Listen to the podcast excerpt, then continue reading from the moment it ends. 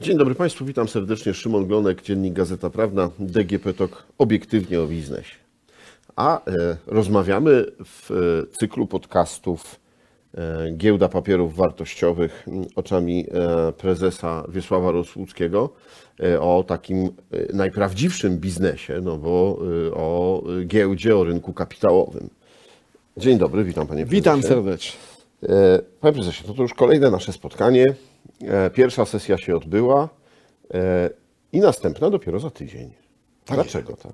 No właśnie, więc tak jak mówiłem w poprzednich odcinkach, najbardziej mi się podobała najprostsza giełda w Lyonie, która prawie nie wyglądała jak prawdziwa giełda, a była. Więc tutaj wysiłek organizacyjny, nie tylko pracowników giełdy, ale Krajowego Depozytu, który już działał, domów maklerskich. Wtedy był częścią e, giełdy, giełdy. papierów Tak, ale był, można powiedzieć, e, trochę wydzieloną strukturą, e, wymagającą procedur. Również były domy maklerskie, same spółki, które były przygotowywane do obowiązków informacyjnych na giełdzie. Także e, następowała sesja raz w tygodniu w pierwszym roku e, i przez pozostałe dni tygodnia e, były liczne komentarze, co się zdarzyło na tej giełdzie, co jeszcze można poprawić, czego jeszcze się można nauczyć. Wcale nie było jakiejś presji, żeby robić częściej. E, To wymagało, każda sesja wymagała przetrawienia. Mogę powiedzieć, że prawie po każdej sesji zwracaliśmy się do e, doradców francuskich, e, którzy wzięli odpowiedzialność razem z nami e, za, za całość, za funkcjonowanie, co robić w takiej sytuacji, która się na tej sesji okazała. I tych przypadków są setki. Co się może okazać na jednej sesji, bo ceny się zmieniają, różne, różne przypadki się zdarzają i jak się współpracuje z giełdą nadal funkcjonującą, to oni te wszystkie przypadki znają, bo wszystko u nich się już zdarzyło. E, I mogą się podzielić praktyczną wiedzą. Ja zawsze byłem przeciwny temu, żeby samemu główkować, za przeproszeniem, co można w tej sytuacji zrobić, bo, bo e, tak zwane prawo e, nieoczekiwanych konsekwencji zawsze działa. Chcemy dobrze, wychodzi źle.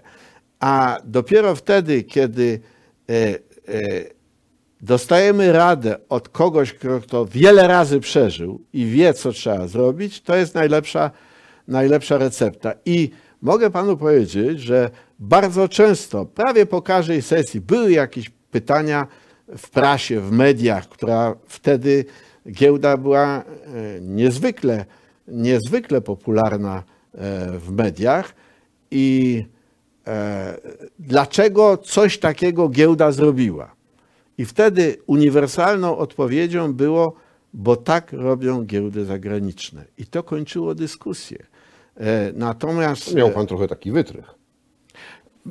Ale to nie był wytrych, bo e, e, ten e, wytrych był oparty na prawdziwym kluczu. Ja nie, ja nie zmyślałem, ja wiedziałem, ja się informowałem, co robić w takich sytuacjach i na to zwykle to kończyło dyskusję. Nawet powiedzmy sobie, pozwolę sobie teraz na znowu ko, kolejną dygresję, dotyczą ograniczeń wahań cen e, w ciągu jednej sesji. Że giełda, e, że kurs akcji danej spółki nie może w ciągu jednego dnia spaść więcej niż 10% lub wzrosnąć 10%. No to była y, ingerencja w rynek. Ingerencja w rynek i, i, i pamiętam polemikę, e, no ciągle aktywnym Januszek Korwin-Mikke, który w, e, w felietonach, chyba we, w tygodniku Wprost, pisał e, dosłownie do mnie, panie prezesie, pan nie rozumie giełdy. Giełda nie ma żadnych ograniczeń. To jest wolny rynek w, czy, w czystej postaci. A jakieś takie administracyjne ograniczenia to w ogóle e, jakaś Wypaczają. biurokracja. I ja e, polemizowałem z nim również na, na łamach e, prasy i powiedziałem, panie redaktorze, e, ja nie buduję giełdy e, z pana marzeń, tylko giełdę taką, jaką funkcjonuje w innych krajach. A w innych krajach są te ograniczenia. I temu poświęciłem bardzo wiele mojej aktywności zagranicznej, e, nawet rozmawiając długo podczas kolacji z prezesem giełdy nowojorskiej, gdzie też były ograniczenia. Po co one są? Mianowicie na każdej giełdzie, zwłaszcza elektronicznej, zdarzają się pomyłki. Czyli makler to jest tak zwany błąd grubego palca. Makler chce kupić e, czy sprzedać 100 akcji, wciska grubym palcem za długo i zamiast e, 100 akcji wpisuje 100 tysięcy akcji. To trafia do arkusza zleceń. Tak duża sprzedaż, to akcje, kurs akcji nurkuje. Potem, ola Boga, co ja zrobiłem? Czyli na początku jest zjazd w dół, potem zjazd w górę. Ludzie na to patrzą, co to jest giełda?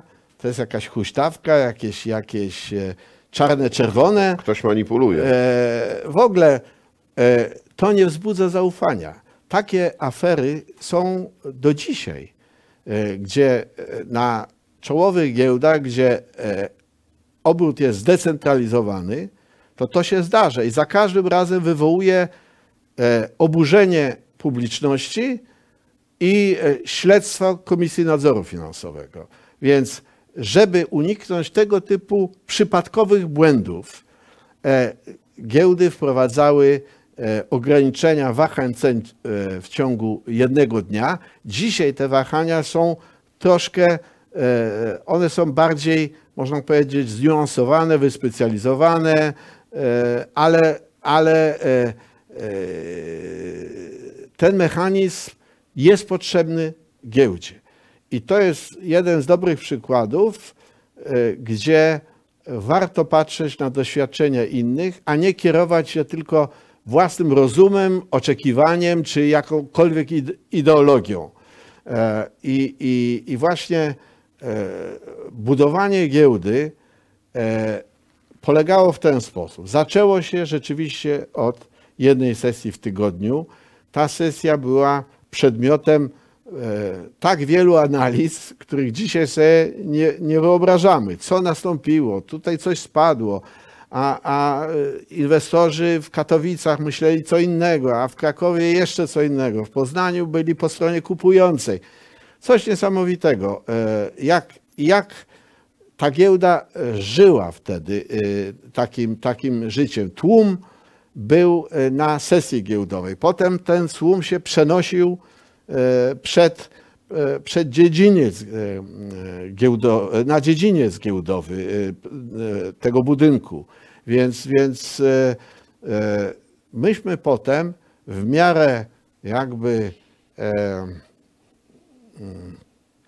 nabywania kompetencji te sesje częściej organizowali i w roku 94 już były każdego dnia, czyli od poniedziałku do piątku, ale powiedziałbym, to nie było, te codzienne sesje nie były e, specjalnie tak oczekiwane. One raczej, e, zwiększenie częstotliwości było w zgodzie e, z całym rynkiem, e, z oczekiwaniami inwestorów. e, To ja tylko Również. dla e, porządku historiograficznego powiem, że to było 3 października 1994 roku, e, kiedy notowania zaczęły się odbywać 5 dni w tygodniu. Panie prezesie, ale to jeszcze powiedzmy o tym, jak same notowania wyglądały, jak były ustalone, e, jeśli chodzi o fixing, rynek Tak, ciągły, bo tak tutaj też były e, debaty. E, No to trochę teorii na początek. Co jest czym? Tak, notowania fixingowe, czyli tak zwany jednolity kurs dnia, To jest jeden ze sposobów notowania, szczególnie na małopłynne spółki.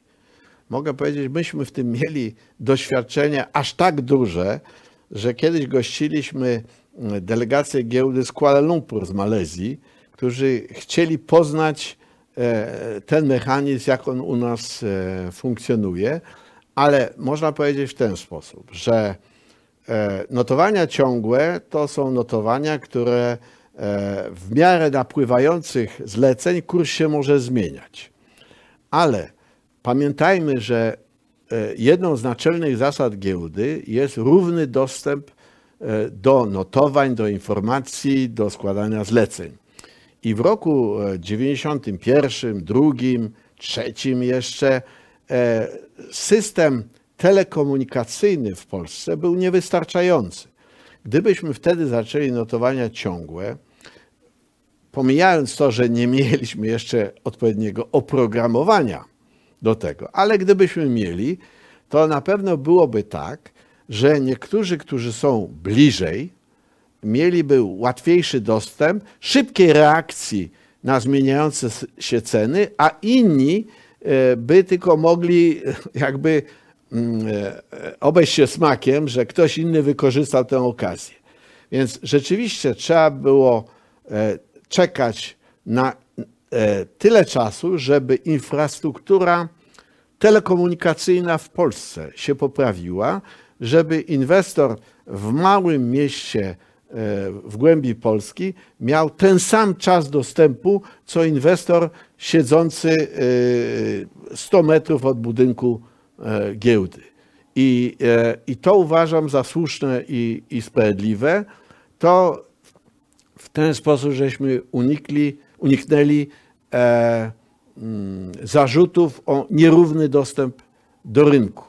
E, uważam, że inwestorzy zawsze powinni mieć równe szanse i giełda zresztą w swojej definicji zapewnia równy dostęp e, do informacji, do notowań, e, więc to, na to e, musieliśmy, musieliśmy czekać i wydaje mi się, że to był dobry, dobry okres do udoskonalenia tego systemu. 22 kwietnia 1993 roku uruchomiono rynek równoległy. Tyle było spółek, takie było zainteresowanie. Po co ten rynek równoległy? Tak, e, to jest e, rynek równoległy i dzisiaj funkcjonuje pod nazwą New Connect. E, To jest coś, co mają właściwie wszystkie giełdy. Mianowicie, jeżeli na rynek główny e, e, wymogi regulacyjne, prospekt emisyjny, raportowanie jest e, mm, obowiązkowe, to dla dużych spółek to jest, można powiedzieć, koszt mm, może nie minimalny, ale taki do, do poniesienia. Ale dla mniejszych spółek, a takich spółek w Polsce jest bardzo dużo, również na giełdzie, e, e, uruchomienie takiego e, wstępnego etapu do notowań, gdzie spółka może mieć mniejsze obowiązki, łatwiejszy dostęp, mniejsze, e, mniejsze obowiązki, mniejszą liczbę akcjonariuszy, czyli mniejsze, mniejszy obrót na rynku, ona jest e, jak najbardziej wskazana i taki był zresztą ten powód, że te akcje, które są płynne, one będą na tym rynku głównym, a na równoległym takie, gdzie transakcje zdarzają się może parę dziennie, albo że nie każdego dnia. e, I, I żeby inwestorzy mieli taki wyraźny podział. Jeżeli chcesz być takim aktywnym inwestorem, który codziennie kupuje, sprzedaje, no to jest rynek główny. Jeżeli e, e, chcesz ponieść ryzyko e, takie, że kupisz, a potem przez parę dni w ogóle nie, możesz sprzedać, no to jest rynek równoległy do takich spółek i te spółki zawsze miały i mają e, możliwość przejścia na rynek główny. To, tu nie ma żadnej e, bariery, ale trzeba do tego dojrzeć. Także rynek równoległy jest jak najbardziej potrzebny. e, dla e, nowych debiutantów, szczególnie małych spółek i powiedziałbym w Polsce to jest potrzebne, bo średnia spółka w Polsce, jej wielkość jest 3-4 razy mniejsza niż w Europie Zachodniej. To jest w ogóle argument do dzisiaj ważny, że wiele regulacji europejskich jest dostosowanych niestety do tych dużych spółek, e, których u nas jest mniejszość. E, Więc e, walka trwa również na, na poziomie europejskim, aby te kryteria mm, zróżnicować. Mniejsze obowiązki dla małych spółek, obecne, nie mówię większe, obecne dla, dla spółek dużych. Czy były takie wyraźne, duże przejścia za Pana czasów między rynkiem równoległym a głównym rynkiem? Ja tego tak, wie pan, nie mogę teraz e, tego e, wymienić tak e, z głowy. Na pewno były, to nie ulega wątpliwości. Czyli te firmy mogły się rozwinąć Oczywiście. na tym rynku, rozwinęły się i Tak jest. I, i dzisiaj, bo, bo tutaj sama koncepcja niewiele się różni. Dzisiaj, dzisiaj mogę powiedzieć, chyba w ostatnim roku większość nowych debiutów na warszawskiej giełdzie, na głównym rynku, pochodziła z tego rynku New Connect, z tego rynku dla, dla mniejszych spółek. E, W 1994 roku no, dużo się działo na giełdzie, to mm, trzeba przyznać. WIG20. E, Spółki, e, które były wtedy w WIG20 to jest e, Bank Śląski, Elektrim, e, WBK, Wedel, Brebank, Żywiec, Polifarb e, Cieszyn, e, Millennium, Bank Inwestycji Gospodarczych Wistula, Mostostal Eksport, Uniwersal, Okocim, Exbut, Pruchnik, Wulczanka, Kable, Swarzęc, Irena, Sokołów, Krosno. Po co WIG20? No widzi pan, to e, na te WIG-20 czekałem z utęsknieniem. Mianowicie e,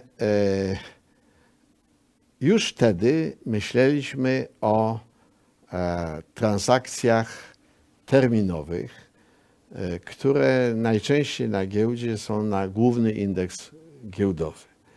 I, I chodziło o to, żeby było co najmniej 20 spółek, e, żeby ten indeks miał jakiś sens. Wielu, e, na wielu giełdach zachodnich główny indeks ma albo 20, 30, 40 akcji w sobie.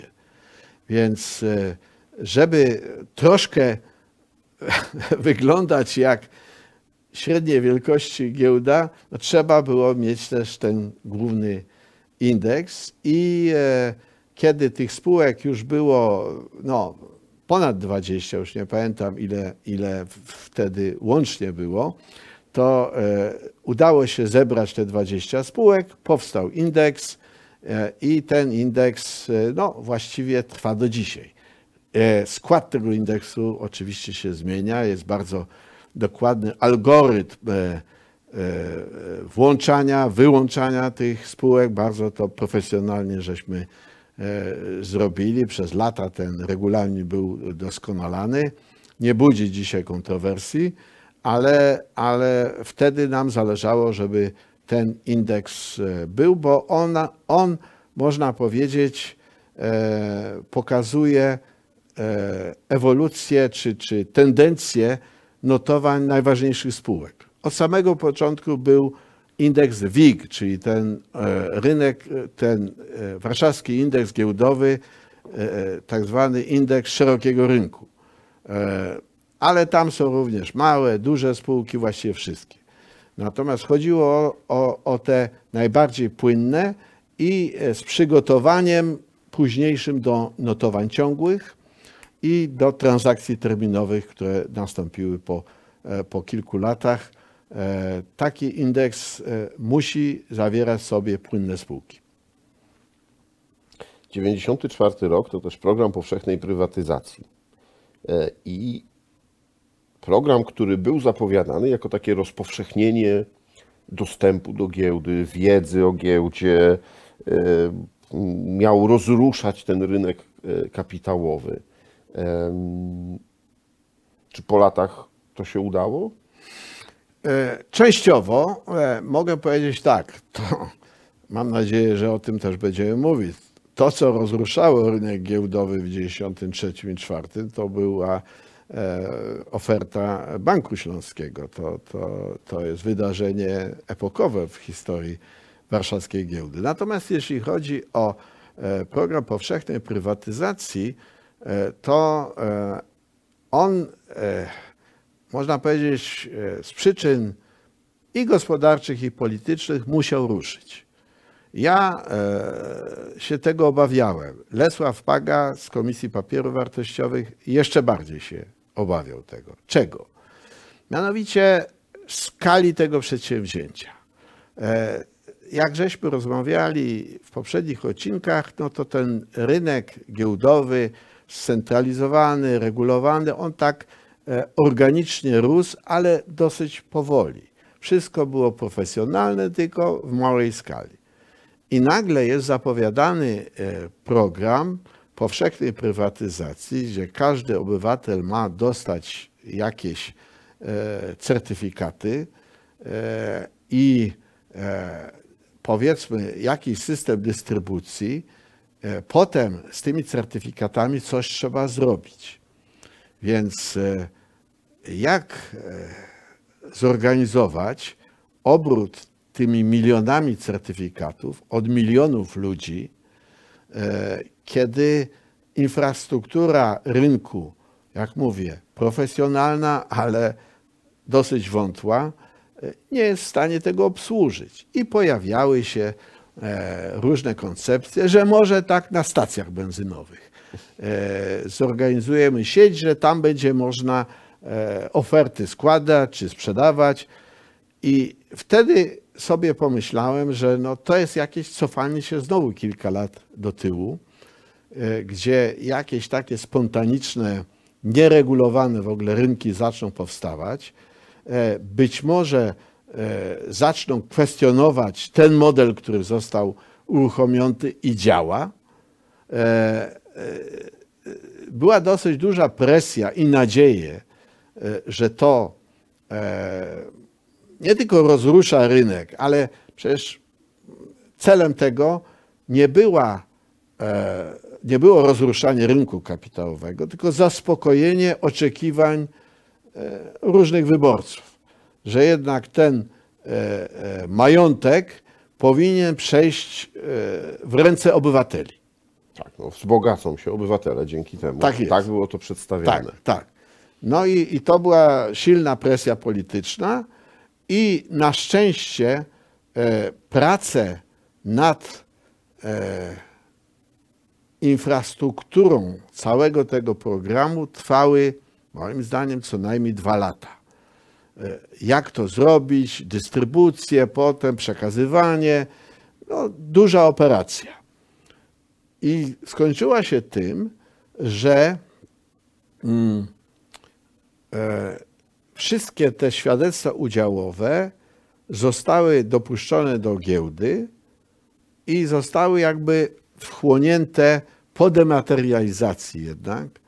E, To nastąpiło już, w tej chwili nie pamiętam tych szczegółów, ale, ale to nastąpiło e, tak czy inaczej, te notowania świadectw udziałowych, a potem e, tych narodowych funduszy inwestycyjnych, one już miały miejsce na giełdzie, czyli na, nazwijmy to, cywilizowanym rynku.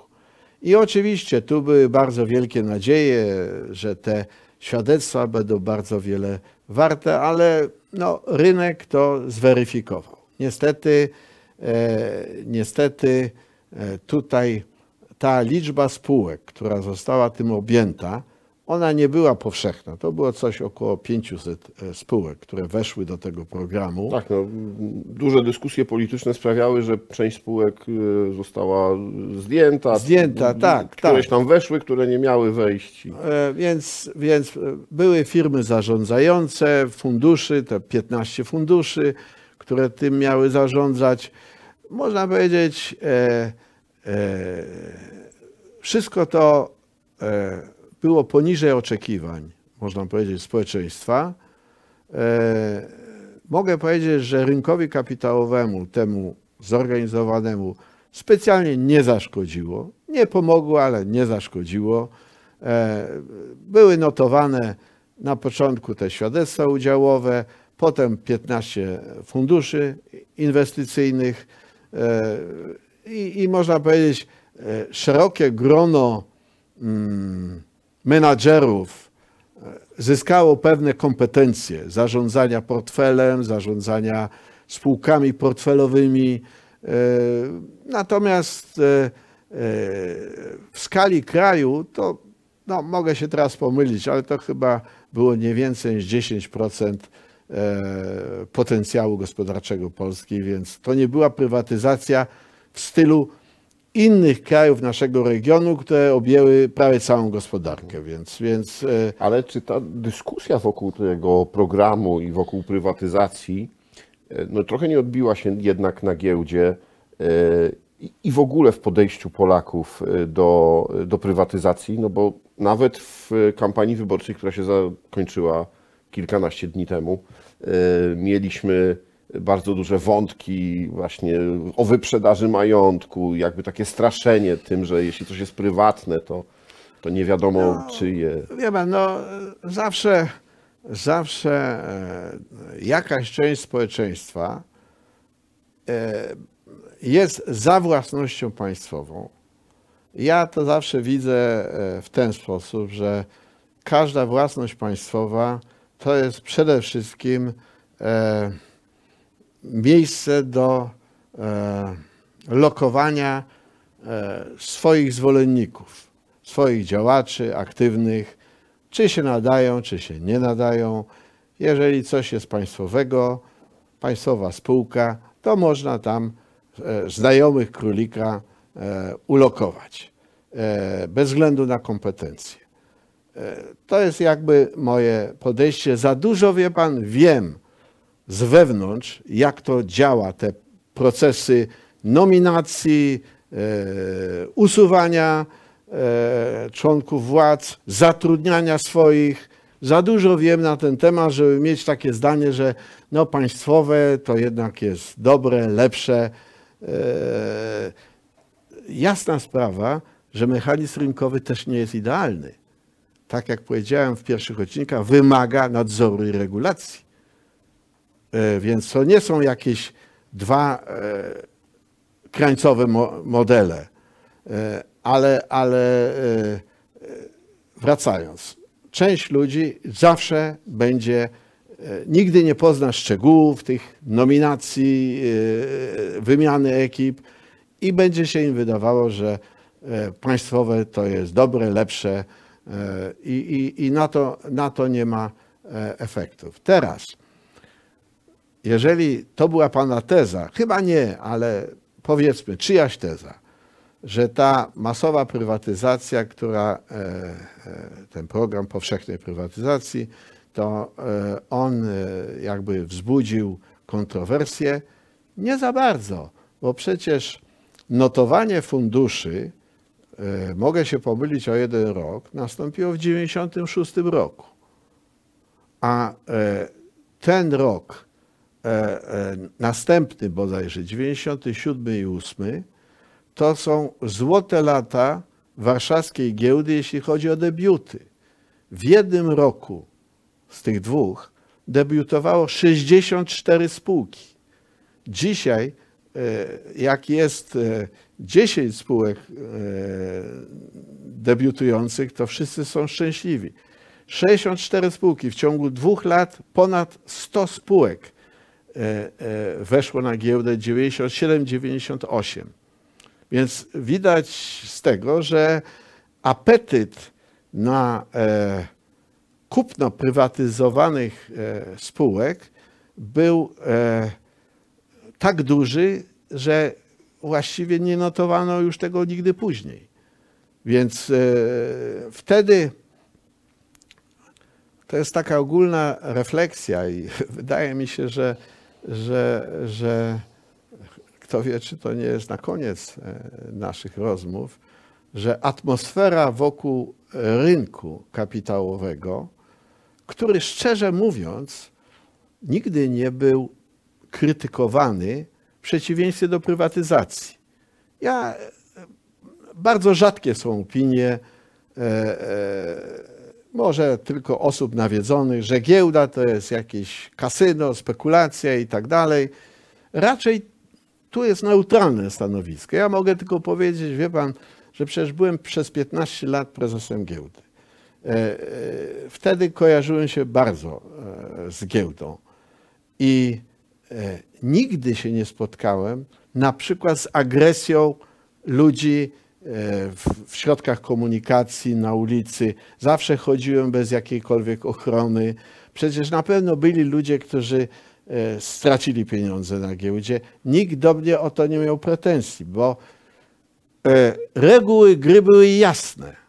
Gdyby reguły gry były jakoś e, skierowane przeciwko niektórym na korzyść drugich, to tak, to wtedy byłoby uzasadnienie. Czyli mówiąc inaczej, ludzie w Polsce, e, wbrew moim pierwotnym oczekiwaniom, byli bardzo pozytywnie nastawieni do giełdy i do rynku kapitałowego. Na przykład giełda była najbardziej popularna w środowisku studentów.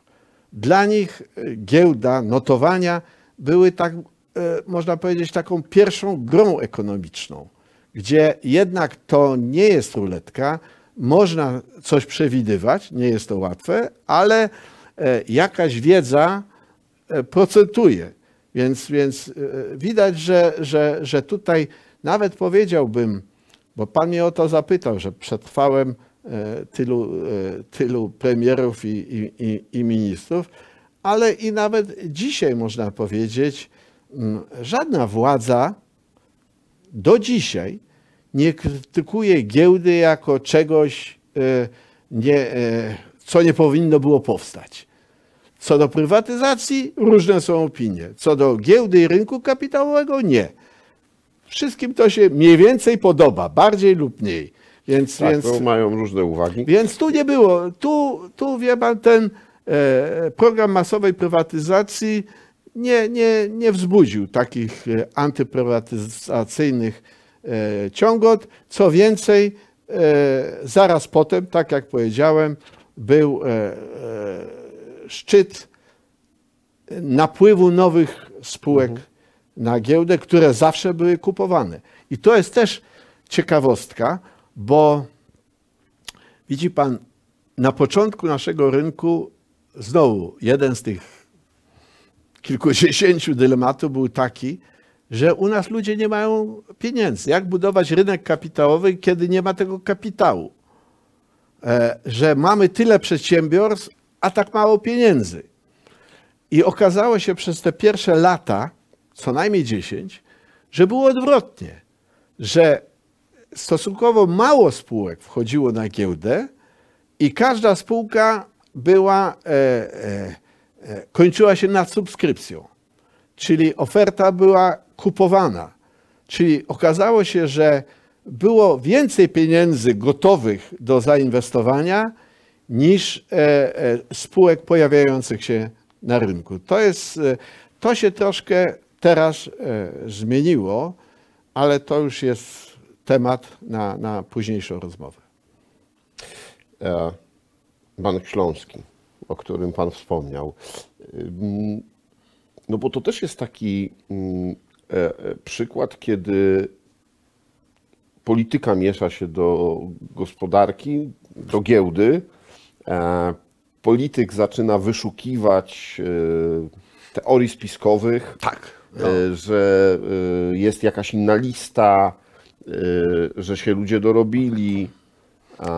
Nielegalnie, prawda? Nielegalnie, No tak, tak, tak, tak. Do dzisiaj nie zostało nikomu to udowodnione. Tak, nikomu nie zostało to udane. Ale legenda jest. Tak, tak. I w niektórych, e, nie, e, niektórym osobom e, niepotrzebne są jakiekolwiek dowody. Oni już wiedzą swoje, prawda? Że był przekręt, że była afera Banku Śląskiego.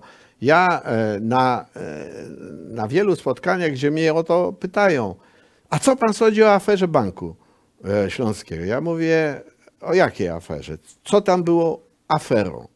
No i ludzie różnie mówią, na, zwykle mówią, a niektórzy to, to e, kupili poza, poza listą. Widział ktoś, e, ja nie spotkałem tak, takiej osoby, ani nie słyszałem, żeby ktoś kupił poza, poza e, normalną listą.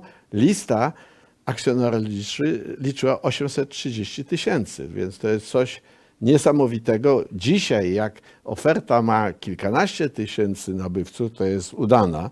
830 tysięcy. To jest po prostu niewiarygodne. I e, e, to jest cały cykl e, hossy i e, załamania. Ja mogę dzisiaj powiedzieć, bo już nie jestem prezesem giełdy, i krachu. Jeżeli jest się prezesem giełdy, to nie można, tego się właśnie nauczyłem od innych, e, nie można użyć słowa krach, nawet w zaprzeczeniu.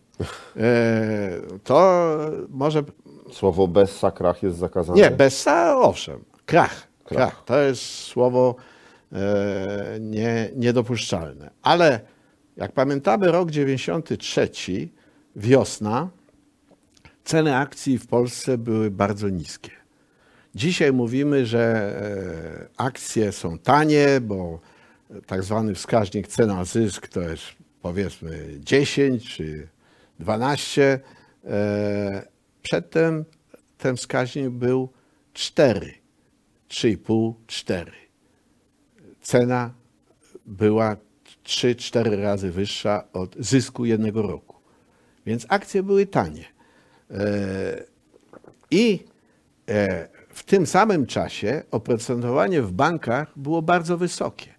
One było, e, jeśli chodzi o walkę z inflacją, chyba od 90 roku oprocentowanie było miesięczne.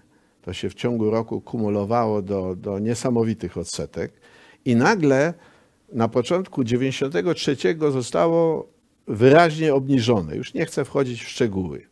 Czyli można było powiedzieć, że e, mm, lokowanie e, oszczędności w banku przynosiły coraz mniejszy dochód. I nagle ludzie zobaczyli, że jest giełda, e, akcje są notowane na bardzo niskim poziomie e, i zaczęto się tym interesować. W samym maju, jednym miesiącu 1993 roku ceny akcji, czyli indeks wszystkich akcji wzrósł o 100%. No to wie pan, jak ktoś e, patrzy, tu ma w banku za rok powiedzmy, niech będzie 20%, a tu w ciągu miesiąca 100%, to e, można by spróbować, nie? Ale mechanizm giełdowy polega na tym, że im więcej jest kupujących, ci kupujący windują te ceny. To, to nie jest tak jak w banku, że mniej więcej.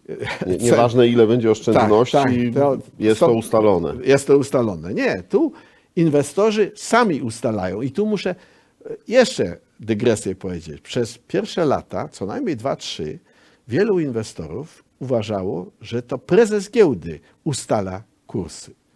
Mnie dużo czasu zajęło, żeby przekonać, nie, to wy inwestorzy ustalacie te ceny swoimi zleceniami. E, No więc już w 94 to było, e, trzecim, czwartym ludzie już wiedzieli, że to nie prezes ustala arbitralnie, ile powinny akcje kosztować, tylko sami inwestorzy swoimi zleceniami kształtują e, te, te ceny. No i pamiętam taki wywiad na początku czerwca 93 roku, wywiad dla Rzeczpospolitej, gdzie dziennikarka mnie zapytała, czy pan się obawia krachu? I ja, jako niedoświadczony prezes, odpowiedziałem, no w zasadzie tak. No, następnego dnia giełda w dół o 10%. Bo prezes wie, że Bo- będzie krach. Tak, bo prezes przewiduje krach. E, Potem to e, trwało, ten spadek chyba jedną czy dwie sesje. Potem zostało to nazwane e, ząbek Rozłuckiego, bo to był tylko taki ząbek, a potem fiu w górę dalej. I e, ceny akcji cały czas rosły. I w tym czasie jeszcze, bodajże w październiku czy w listopadzie, nastąpiła oferta Banku Śląskiego. W trakcie e, narastającego balona spekulacyjnego. I ta oferta jeszcze nadmuchała ten, e, ten balon. E, e, pamiętam e, i wtedy ja, ja pojechałem na Światowe Forum Ekonomiczne do Davos w styczniu 1994 roku. I szukałem kontaktu z prezesami giełd, rozmawiałem z przewodniczącym amerykańskiej Komisji Papierów Wartościowych i mówię, jak powinien zareagować na gwałtowny spadek, krach giełdowy, no bo tego żeśmy nie przeżyli, a to się szykuje jak 2 plus 2 jest 4. No i wtedy dostałem bardzo szczegółowe informacje, jak się powinienem ja zachować.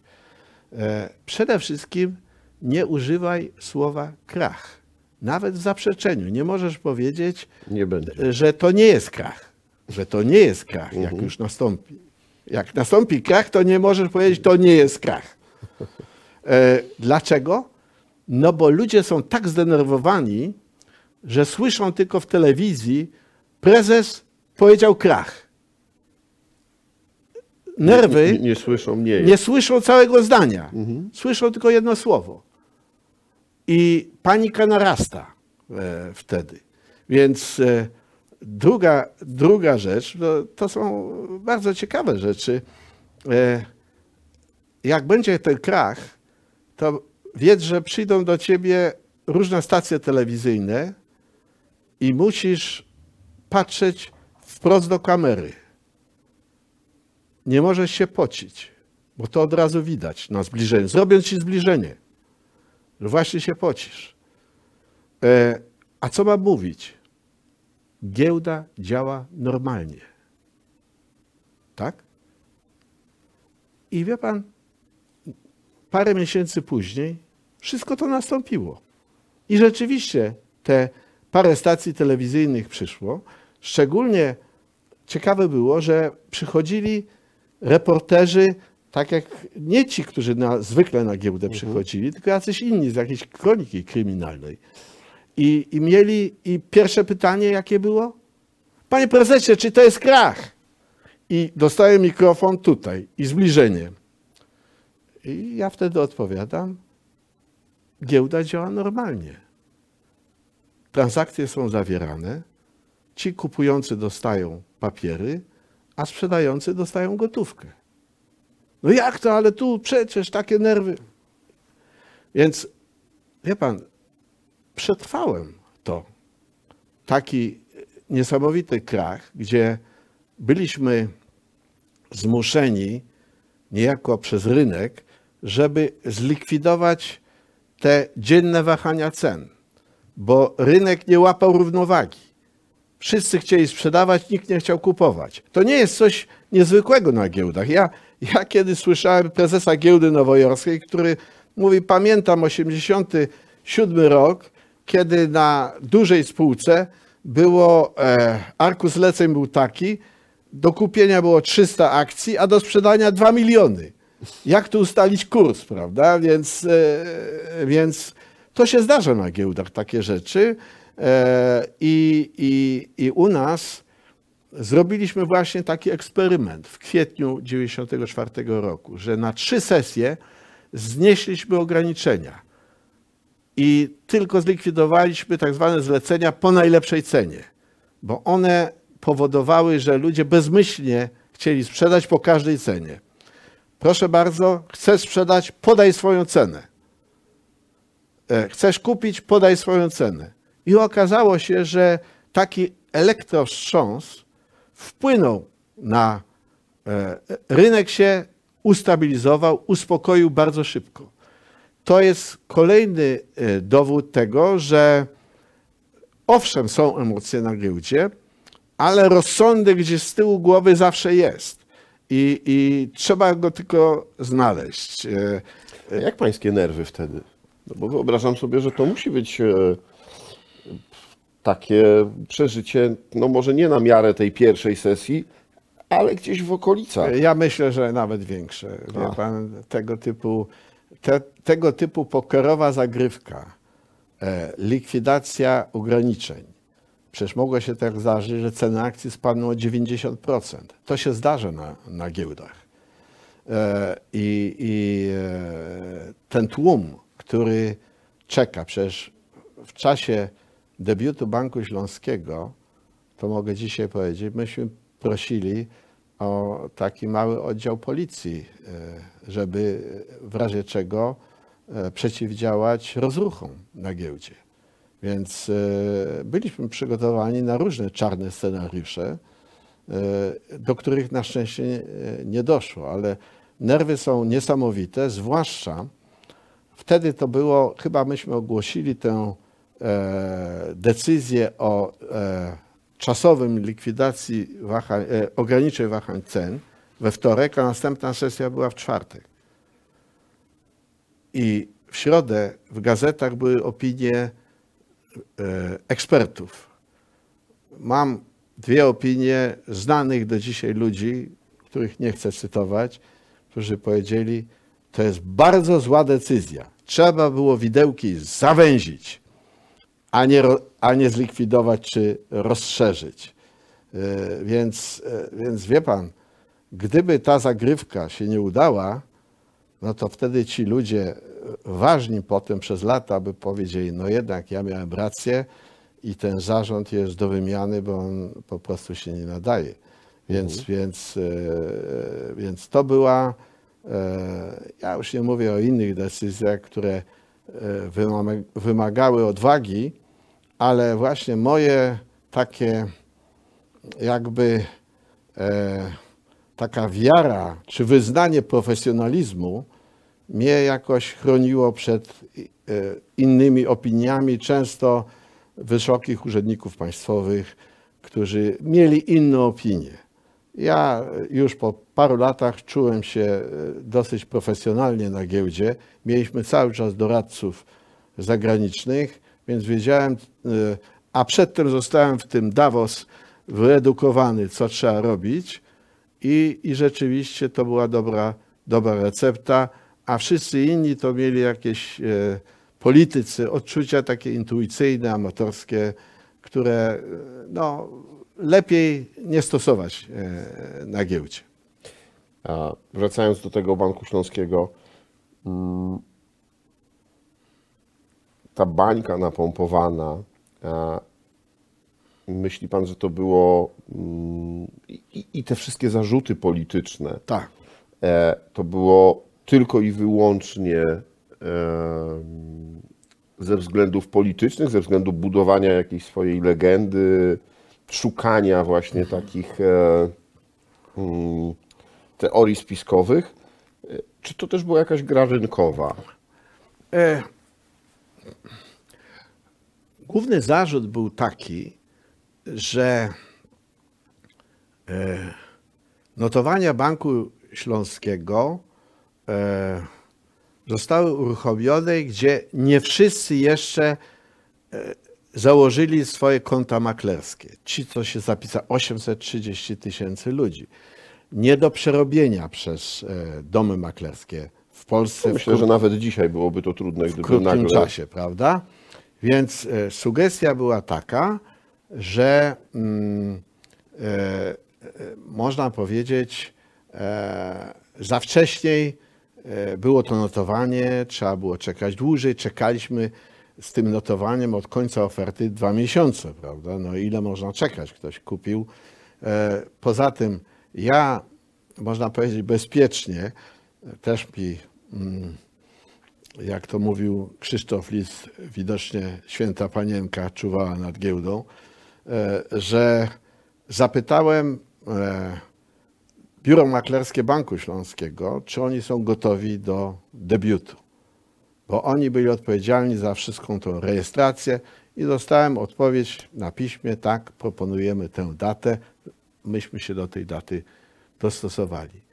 E, I zadaniem giełdy, co starałem się wielu ludziom powiedzieć, nie jest sprawdzanie, czy e, ten podmiot organizujący ofertę dobrze wykonał swoje obowiązki. To jest jego zadanie, prawda? A nasze zadanie jest e, e, sprawne notowanie, które też wymagało przy takiej liczbie zleceń no, dosyć dużej e, atencji i, i przygotowania, szczególnie informatycznego. Od razu się pojawiły, że to tam celowo było przez Bank Śląski robione, że na początku pracownicy uzyskali ten dostęp do domu, e, do, do kont maklerskich, a potem cała reszta. Mm, Ja e, nie podzielam tego poglądu. Uważam, że tam e, ta oferta przerosła wyobraźnię kierownictwa tego banku i tego, i tego biura maklerskiego. I dowód na to jest taki, że mm, jeszcze miesiąc przedtem, kiedy trwała ta gorączkowe rejestrowanie tego wszystkiego, to e, kierownictwo tego banku e, kłóciło się z giełdą warszawską, żeśmy parę tygodni wcześniej ich jednej dyskietki nie, przyję, nie przyjęli. Czyli e, walczyli o jakieś drobiazgi, a mieli wielki problem u siebie e, do, do załatwienia. I, i, I e, raczej tu widzę bałagan niż jakieś takie przemyślane działania, że można na tym zarobić i, i tak dalej. Co więcej, powiem, że mm, tego nigdy nie mówiłem przedtem, ale zarzut był taki, że gdyby wszyscy zarejestrowali swoje akcje, to ten kurs pierwszy, który był 12 razy wyższy niż oferta, że on byłby e, o wiele mniejszy, by było więcej sprzedających. Nieprawda, ponieważ bardzo tylko część ludzi zawsze sprzedaje na pierwszej sesji. Inni czekają dalej na, Patrzą, co się na notowania. Mogę powiedzieć, jeden ze znanych inwestorów, taki, który jest weteranem na rynku amerykańskim, przyznał się po latach, że on na tej pierwszej sesji kupił akcję, miał akcję do sprzedania, a jeszcze kupił, bo uważał, że jeszcze później e, pójdzie w górę. On potem dwie książki napisał na temat inwestowania w Polsce, więc, e, więc widać z tego, że e, wcale to nie było takie e, przeczucie, że, e, że mm, będzie, że to jest pierwszy Wielka oferta sprzedaży. Oferta, e, że to jest, że potem pójdzie, pójdzie wszystko w dół, co, co nastąpiło.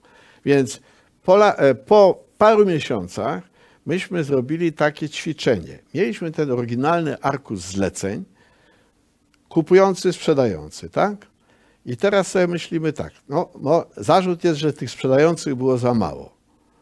Oni w różnych cenach chcieli sprzedawać, często o wiele wyższych jeszcze. E, To żeśmy zrobili tak, żeśmy liczbę tych i wartość tych sprzedających pomnożyli przez trzy. Gdyby ich było trzy razy więcej, jaki byłby kurs? I okazało się, że kurs nie jest 12 razy większy, tylko 11 razy większy. Czyli niewiele się różnił. Czyli mówiąc inaczej, gdyby było e, pod wpływem tej bańki spekulacyjnej była e, taka wiara, że tylko może to iść do góry, że e, wcale nie było chętnych tak dużo do sprzedaży i gdyby ich było trzy razy więcej, to by też niewiele się zmieniło. Też by była prawdopodobnie ta sama w cudzysłowie afera. Więc, e, więc ale to było bardzo traumatyczne, całe wydarzenie. Uważam, że, bo to historia rynków pokazuje, że każdy rynek ma e, swoją bańkę i swój krach, to, e, na to przez to trzeba przejść. Wolałbym, żeby to przejście nasze było łagodniejsze. Wolałbym, ale mm, przecież nie ma sposobu. I teraz wie pan, całkowicie się uspokoiłem. To był rok 94. e, potem 95 były bardzo szybko, jeszcze koniec 94. Giełda się odbiła. W 95, 6 były kolejne e, debiuty giełdowe, bardzo duże, więc rynek bardzo szybko się z tego otrząsnął. E, po tej traumatycznej lekcji. E, I, a potem parę lat później nastąpiła bańka internetowa w Stanach Zjednoczonych, w Niemczech. I wtedy z satysfakcją zauważyłem, że u nas ta bańka była łagodniejsza, a w Stanach Zjednoczonych o wiele większa. I e, najlepszy przykład to jest Niemcy, Frankfurt, Deutsche Börse gdzie wydawałoby się rynek mm, długoletni, Niemcy Stateczny naród. taki rozsądny, e, nie lubi ryzyka. Powstał taki rynek, nowy rynek, Neuer Markt się nazywał. Spółki takie nowoczesne, koniec lat 90. Nowa technologia. E, Przyszedł ten krach e, 2000 roku, indeks tego rynku spadł o 98%. Więc wtedy już byłem całkowicie spokojny. Po tym naszym krachu trochę się wstydziłem. No, niedoświadczony rynek, wzrósł dwudziestokrotnie, potem spadł i tak dalej. No, ale potem zauważyłem, że jeżeli chodzi o bańkę spekulacyjną, to żaden inwestor nie jest całkowicie odporny na to, że, e, że coś rośnie, a ja w tym nie uczestniczę. Bardzo często dawałem przykład, że końcowa część bańki już jest napędzana przez nowych inwestorów. I dawałem taki przykład, ktoś właśnie e, ostrożny, nie inwestuje, bo to wzrosło tam o, o 100%, a mu żona mówi, czy odwrotnie, żona inwestuje, mąż mówi, no widzisz, że sąsiadka czy sąsiad zainwestował i zarobił e, 200%, a ty nic. Wtedy już się Emocje psychika za, załamuje, no to ja też w to pójdę. A matematyka jest zupełnie inna. Kiedyś, e, 3-4 lata później, we Wrocławiu spotykam na rynku restauratora, właściciela restauracji. I mówi, proszę pana, panie prezesie, ile ja na tej pańskiej giełdzie straciłem? Tak powiedział. A kiedy pan kupił akcję? W 92 roku. To nie mógł pan stracić. A straciłem. To niech pan powie. No teraz nie pamiętam dokładnie, ale powiedzmy. Kupiłem za 100 tysięcy. Przez dwa lata wzrosło do e, 700 tysięcy. I potem spadło na 500. Ja mówię, ze 100 na 500? Znaczy, to tak, tu pan stracił 200, ale ogólnie pan zyskał 400. Nie, straciłem. Straciłem na giełdzie. Więc wie pan, e, e, No tu tak. z matematyką na giełdzie też się nie wygra. E, Różnie e, w emocjach e, ludzie e, tracą e, rozsądek i, i, i to trzeba przyjąć, że tak jest. Proszę Państwa, ten odcinek wyszedł nam długi, ale myślę, że to jest e, fantastyczna lekcja e, inwestowania i fantastyczna lekcja tego, jak na giełdzie e, się zachować. I że nie zawsze emocje są dobrym doradcą i warto po prostu liczyć. Dziękuję bardzo za ten Ja odcinek. dziękuję. A, a Państwa oczywiście zapraszam do tego, żebyście zostali z nami, oglądali następne albo te wcześniejsze. Jeśli ktoś dopiero w tym odcinku do nas dołączył, no to e, z Panem Prezesem już e, rozmawiamy e, o tym, jak ten rynek kapitałowy i warszawska giełda się tworzyła mm, w kilku odcinkach. Dziękuję bardzo, do usłyszenia.